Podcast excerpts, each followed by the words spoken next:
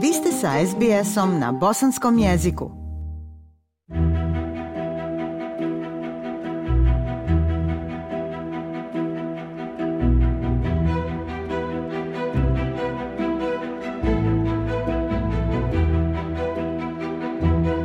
Slušate program SBS radija na bosanskom jeziku. Ja sam Aisha Hadži Ahmetović. Ove sedmice u zvaničnu posjetu Australiji doputovala je ministrica vanjskih poslova Bosne i Hercegovine, gospođa Bisera Turković. Nakon više od 25 godina ovo je prva državnička posjeta na ministarskom nivou, pa je radosti bosansko-hercegovačke zajednice u Australiji i Novom Zelandu zaista velika, a svakako i naša, jer danas imamo priliku i zadovoljstvo da ministricu ugostimo u našoj emisiji. Ministrice Turković, dobrodošli u Australiju, dobrodošli u program SBS Radija. Hvala vam lijepo, još bolje vas našla, lijepi pozdrav i vama i vašim slušalcima. U utorak ste imali sastanak u Saveznom parlamentu u Kamberi sa ministricom vanjskih poslova Australije, Penny Wong, koja je izrazila zadovoljstvo zbog susreta s vama i potvrdila dugogodišnju podršku koju Australija pruža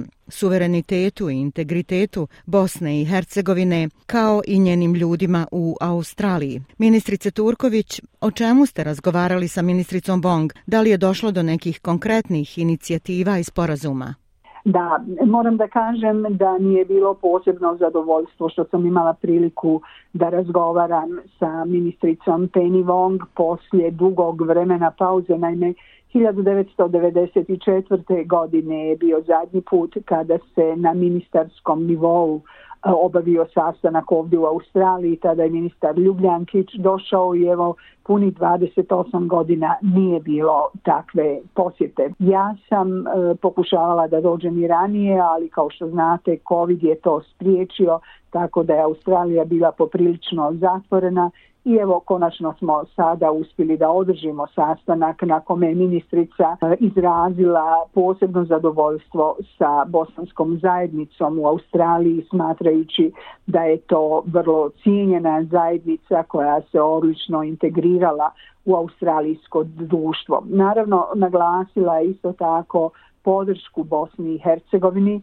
i neprihvatljivost e, etničkih podjela koje se dešavaju evo u 21. vijeku to je prosto nešto što ona ne može da ni shvati ni prihvati dakle mi smo podijelili tu zajedničko viđenje o budućnosti Bosne i Hercegovine kako bi ona trebala da izgleda kao multikulturna i multietnička zajednica zemlja koja bi trebala da omogući prosperitet svim njenim državljanima baš kao što to čini i Australija i to je jedini put za Bosnu i Hercegovini. Naravno, razgovarali smo i o nekakvim mnogo konkretnim stvarima kao što je uspostavljanje trgovinske komore sa ciljem kanalisanja investicija i prenosa iskustava, posebno u energetskom sektoru, To je nešto što je vrlo popularno u Evropskoj uniji, naime sa agresijom e, Rusije na Ukrajinu dolazi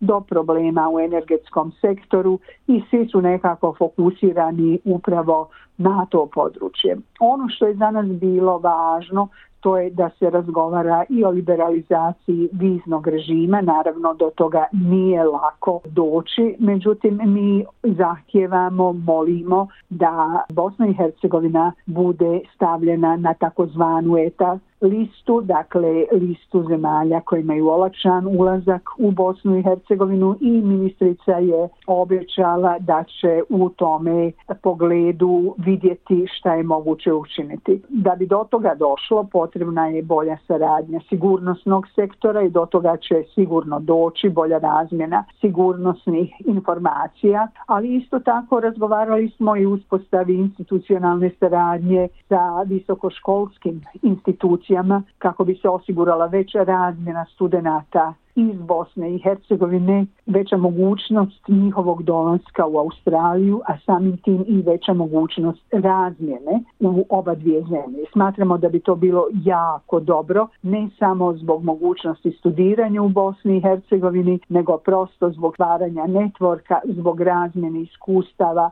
zbog utjecaja koji bi mogli, pozitivnih utjecaja koji bi mogli da se šire. Nadalje razgovarali smo o uvezivanju gradova iz Bosne i Hercegovine sa gradovima u Australiji. Mislimo da kroz taj direktan kontakt bi se moglo mnogo toga ostvariti. Razgovarali smo o suradnju polju kulture i sporta. To je nešto što se dešava uobičajeno kad se želi dati podrška odnosno povećati nivo saradnje. Mislim da tu postoji jedna otvorenost i sa strane Australija isto tako i želja sa strane Bosne i Hercegovine. Naravno, Australija daje podršku Bosni i Hercegovini, iako ne može mnogo direktno da utječe na njenom putu pridruživanju e, u Evropsku uniju. Vrlo su se obradovali, pogotovo ministar Husić, kad sam mu rekla da evo izgleda ipak dolazimo do mogućnosti da dobijemo diplomatski status, jer će to otvoriti onda bolju saradnju sa Australijom. I naravno ono što je dio paketa gdje gdje god dođem postoji jedna zahvalnost zemalja na saradnji Bosne i Hercegovine kada je u pitanju invazija Rusije na Ukrajinu, naš stav podrške Ukrajini, nezavisnosti, suverenosti i e, osuda agresorskih snaga. Dakle, to je nešto što nas prati i interesantno je koliko zahvalnosti Bosna i Hercegovina i koliko komplimenata dobiva zbog stava. Meni se čini opet da je to jedini mogući stav koji mi možemo da zauzmemo s obzirom da smo i sami prošli kroz agresiju, da smo i sami prošli kroz jedan izuzetno težak period. Sljedeći dan imali ste susreti sa Saveznim ministrom za industriju i nauku gospodinom Edom Hušićem, koji je bosansko-hercegovačkog porijekla. Kako biste ocijenili razgovor s njim? Pa ja moram da vam kažem da sam se ja u stvari prvi put susrela sa Edom Hušićem, da sam bila impresionirana sa količinom njegovog interesovanja za Bosnu i Hercegovinu. Vi osjećate prosto ljubav koja izlazi iz njega na spomen imena Bosne i Hercegovine. Toliko pozitivne energije, prosto nevjerovatno da neko čiji roditelji dolaze, evo u ovom konkretnom slučaju iz krajine, iz Bihaća, da je mogao ponijeti toliko ljubavi, toliko, toliko znanja o Bosni i Hercegovini. Dakle, e, razgovarali smo naravno s obzirom na njegovo porijeklo o političkoj situaciji u Bosni i Hercegovini. Malo smo evocirali uspomene šta se to dešavalo i tokom agresije na Bosnu i Hercegovinu, a onda smo prešli na konkretne stvari i razgovarali smo prvo o sporazumu o socijalnom osiguranju koji je još uvijek na holdu i nije završen. Dakle, tu imamo obećanja s njegove strane da će se taj proces ubrzati. Zatim smo razgovarali o potrebnoj podršci u ekonomskoj sferi Bosni i Hercegovini. Saglasio se sa idejom da bi možda u ovom času uspostava trgovinske komore bila ili economical, economical chamber, dakle ekonomsko-trgovinske komore bila dobar potez u kom pravcu treba da se ide, trebalo bi mnogo više angažmana u ekonomskom segmentu rada naše ambasade. Zatim smo razgovarali o mogućnosti uvezivanja privrednika i ostvarivanja saradnje koja bi bila u obostranoj koristi. Ono što je naglašeno jeste da Australija ima interesovanje u energetici i u rudarstvu, mi imamo šta da ponudimo u Bosni i Hercegovini, već postoji australijska firma koja je ušla u iskopavanje srebra u Varešu. U toj oblasti postoje interesovanje Australije da se i proširi i nastavi na druge rudnike srebra i ne samo to. Naravno, dotakao se i kandidatski status Bosne i Hercegovine s obzirom da Australija nema sa Bosnom i Hercegovinom potpisan trgovinski sporazum. Sama činjenica da će Bosna i Hercegovina dobiti kandidatski status u decembru će omogućiti i odnosno olakšati put koji bi išao i prema potpisivanju trgovinskog sporazuma sa Bosnom i Hercegovinom, a to onda otvara čitav jedan niz mogućnosti i na kraju ministar Husić je najavio mogućnost svog dolaska u Bosnu i Hercegovinu i upoznavanja sa konkretnom situacijom. Mislim da bi to bilo jako dobro. Bilo bi dobro prosto da se susretne sa ljudima iz privrede, da vidi kako izgledaju stvari, koje su to konkretne mogućnosti. I evo da krenemo odatle, da krene razmjena privrednika, razmjena saradnje po pitanju i ekonomije i trgovine i da to malo oživimo i da pojačamo. Ambasador Bosne i Hercegovine u Australiji, gospodin Kemal Muftić, organizovao je u četvrtak susret Bosansko-Hercegovačke zajednice Australije i Novog Zelanda s vama putem Zoom platforme na kojem su učesnici imali priliku da porazgovaraju s vama, predstave svoje aktivnosti, postavljaju pitanja. O čemu je bilo riječi na Zoom sastanku i kakvi su vaši utisci nakon razgovora sa dijasporom Australije? Pa moram da kažem, e, znate, i meni je tu teško biti objektivna. Ja sam provela jedan dio života u Australiji, možda i najljepši dio života i osjećam vezanost i za Australiju i za naše ljude u Australiji. To je nekako dio e, moje sudbine. Dakle, ja zaista želim da se doprinese toj saradnji i da se učini maksimum od onoga što je moguće. I jako mi je bilo drago da vidim, odnosno da čujem ljude koji su aktivisti, koji mnogo čine na predstavljanju australijske, odnosno bosansko-hercegovačko-australijske dijaspore. Mm, razgovaralo se sa gospodinom Harizom Halilovićem iz Melburna o saradnji visokoškolskih ustanova, o tome što je potrebno učiniti. On je, kao što znate, vrlo aktivan, dovodi grupe studenta gotovo redovno u Bosnu i Hercegovinu i sigurno se njegova, njegov rad i njegova aktivnost mora pohvaliti. Ima još tu ljudi, bojim se ako počnem spominjati da ću preskočiti mnoge koji su jako bitni. Bilo mi je drago da se razgovaralo o školstvu, o, od onog priznavanja jezika e, koji je bio nekada, čini mi se, davne 92. godine, pa evo još uvijek postoje i rade bosanske škole i ja sam prosto ponosna kad vidim da je taj projekat zaživio, ne da je nestao, nego se tek sada razvija u pravom pogledu. Razgovaralo se sa počasnim konzulom koji je postavljao pitanje unapređenja odnosa dviju zemalja i interesa bosansko-hercegovačke zajednice kako po pitanju školstva, zdravstvenog osiguranja, isto tako i privredne komore. On učestvuje u osnutku, to je dakle novi koncept koji bi pokrivao mnogo šire, dakle ne samo ekonomsku saradnju, nego i obrazovanje i kulturnu saradnju. Vidjet ćemo kako će to izgledati, ali evo, to je nešto što je bilo vrlo interesantno. Javljali su se i mnogi drugi ljudi, bojim se da ću zaboraviti neko ime, čini mi se gospodin Kalauzović, pa Jackman i tako dalje i tako dalje. Dakle, svi su oni imali određene inicijative po pitanju saradnje na kulturnom planu do, kao što rekao, obrazovanja i privrede. Razgovarali smo o umrežavanju koje je neophodno potrebno da bi se ojačala ta saradnja o kooperaciji između aktivista koji predstavljaju bosansko-hercegovačku dijasporu u Australiji. To je vrlo važno. Ta dijaspora njena organiziranost je više nego važna i mislim mislim da doprinos koji se na taj način može ostvariti je zaista neprocjenjive vrijednosti. Pošto sam i sama prisustvovala Zoom sastanku, ostalo mi je u sjećanju jedno pitanje koje je postavila gospođa Zlata Kazić iz Sidneja, a koje je glasilo kako se može pomoći Bosni i Hercegovini, a da nije u pitanju materijalna pomoć. Ministrice Turković, kako australska dijaspora još može pomoći prvoj domovini?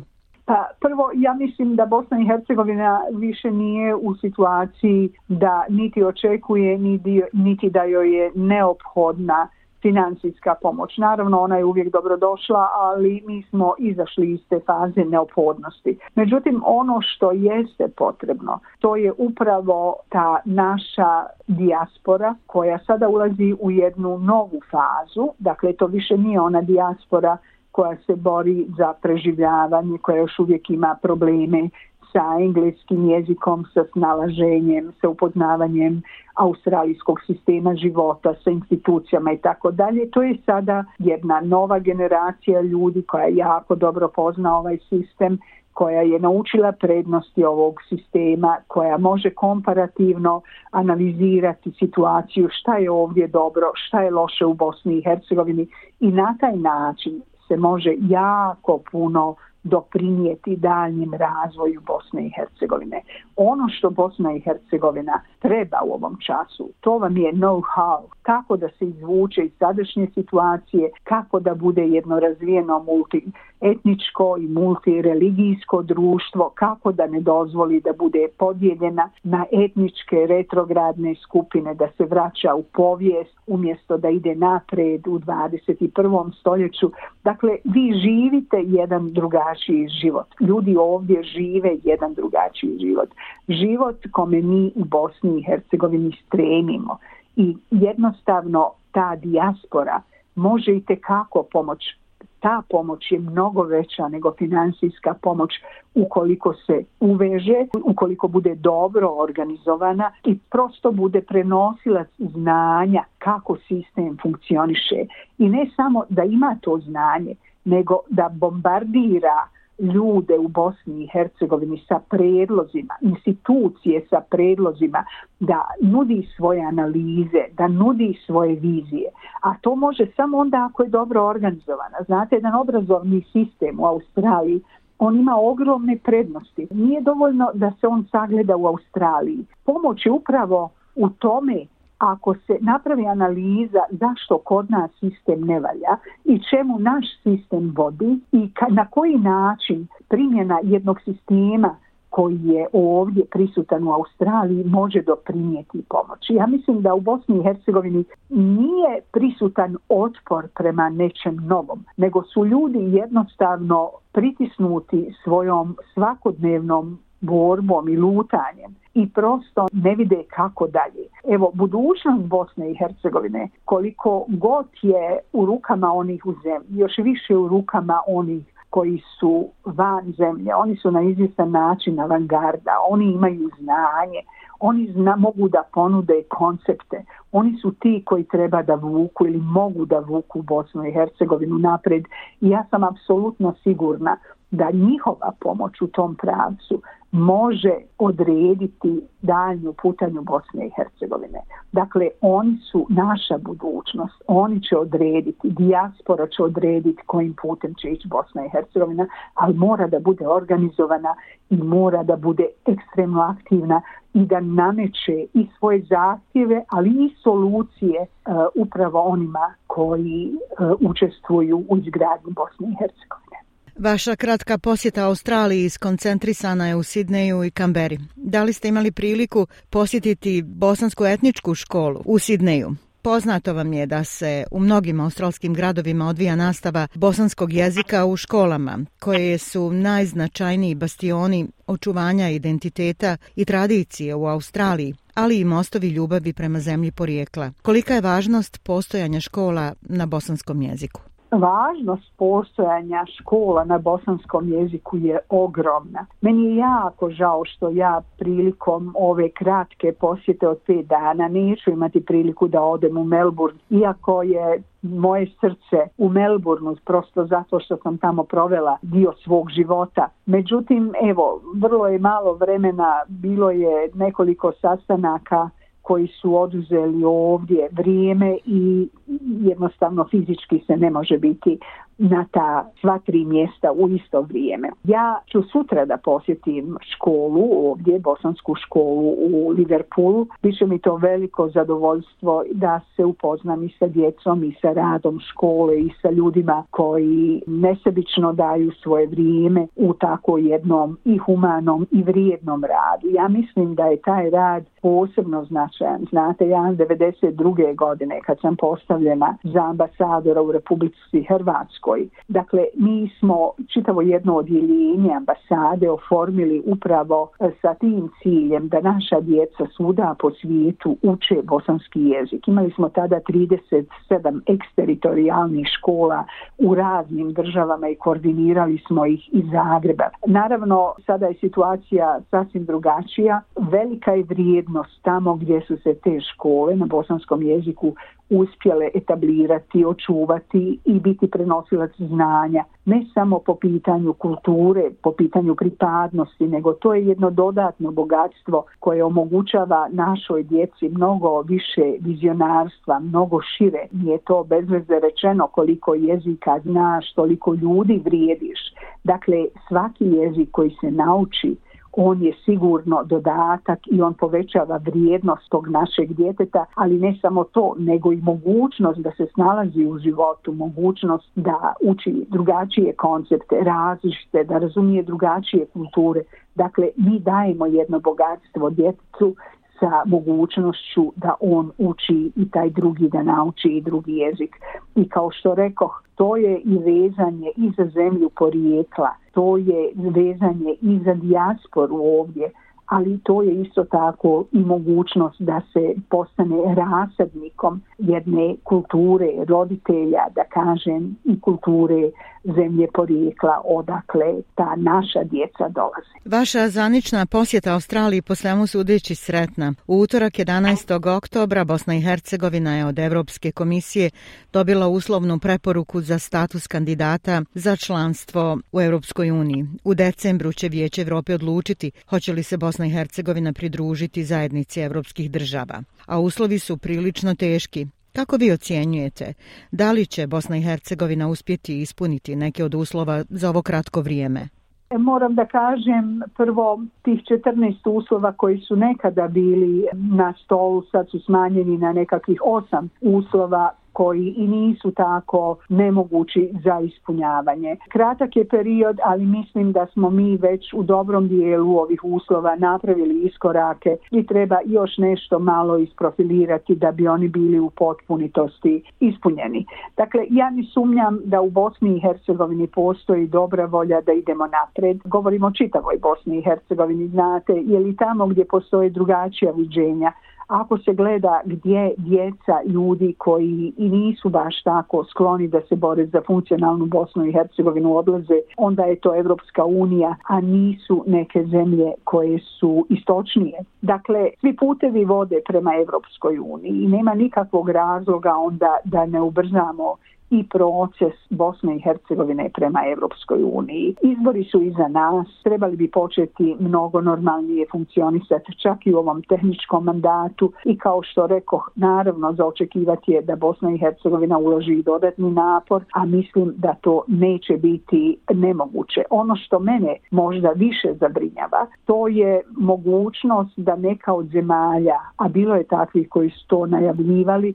glasa protiv dodjele kandidatskog statusa kada bude finalna faza dodjele. A to će biti vrlo brzo. Ali da se sad ne zamaramo s tim. Evo, na nama je da odradimo što mi možemo. Nadam se da neće doći do blokade od naših susjeda koji su to najavljivali ukoliko se ne ispune njihovi dodatni uslovi i nadam se da će razum pobjediti i na kraju krajeva to je u interesu svih nas, to je u interesu ne samo Bosne i Hercegovine i državljana Bosne i Hercegovine, nego i čitavog zapadnog Balkana, pa na izvjestan način i Evropske unije. Ministrice Turković, vaša posjeta Australiji ne prolazi bez snažnih emocija. Eto, rekli ste da ste vezani za Melbourne. Recite, kako, koliko dugo ste ovdje živjeli?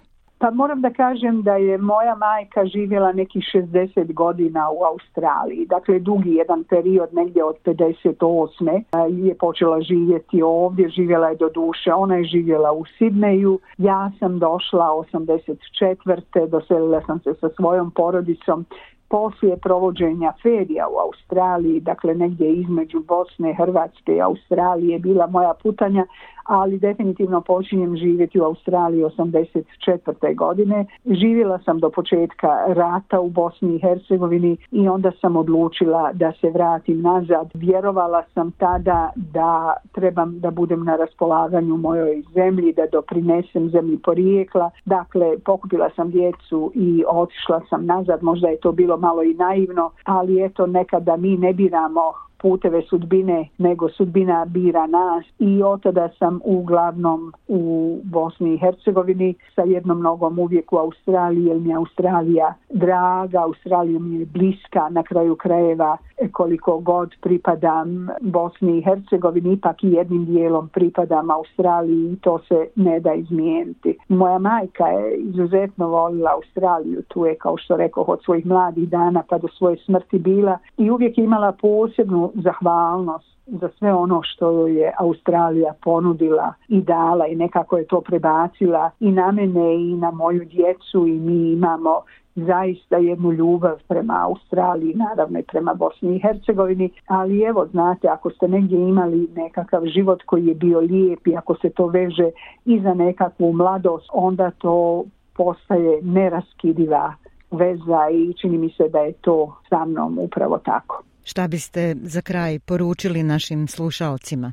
Mislim da ljudi koji se nalaze ovdje porijeklom iz Bosne i Hercegovine su zaista mnogo učinili za Bosnu i Hercegovinu. Bez obzira na daljinu, čini mi se da je njihova ljubav bila još veća nego onih koji su blizu i njihova žrtva za Bosnu i Hercegovinu je bila još veća. I ja samo mogu da apeliram da se uvežu, da budu zaista uvezani, da ne gledaju ono što neko čini krivo, nego da pokuša svako dati ono što zna najbolje, što umije najbolje i da na tom osnovu budu ne samo dobri državljani Australije, jer ova zemlja to zaslužuje, nego da pomognu i svojoj zemlji porijekla, Bosni i Hercegovini, a mogu pomoći upravo kroz stvaranje mreže, kroz stvaranja networka i ta mreža treba da bude jedan obruč oko Bosne i Hercegovine koji će pomoći Bosni i Hercegovini da bude i mnogo bolja i mnogo naprednija i da oni budu ponosni sa svojom zemljom porijekla. Hvala vam na izdvojenom vremenu i ovom razgovoru i svakako na lijepoj poruci.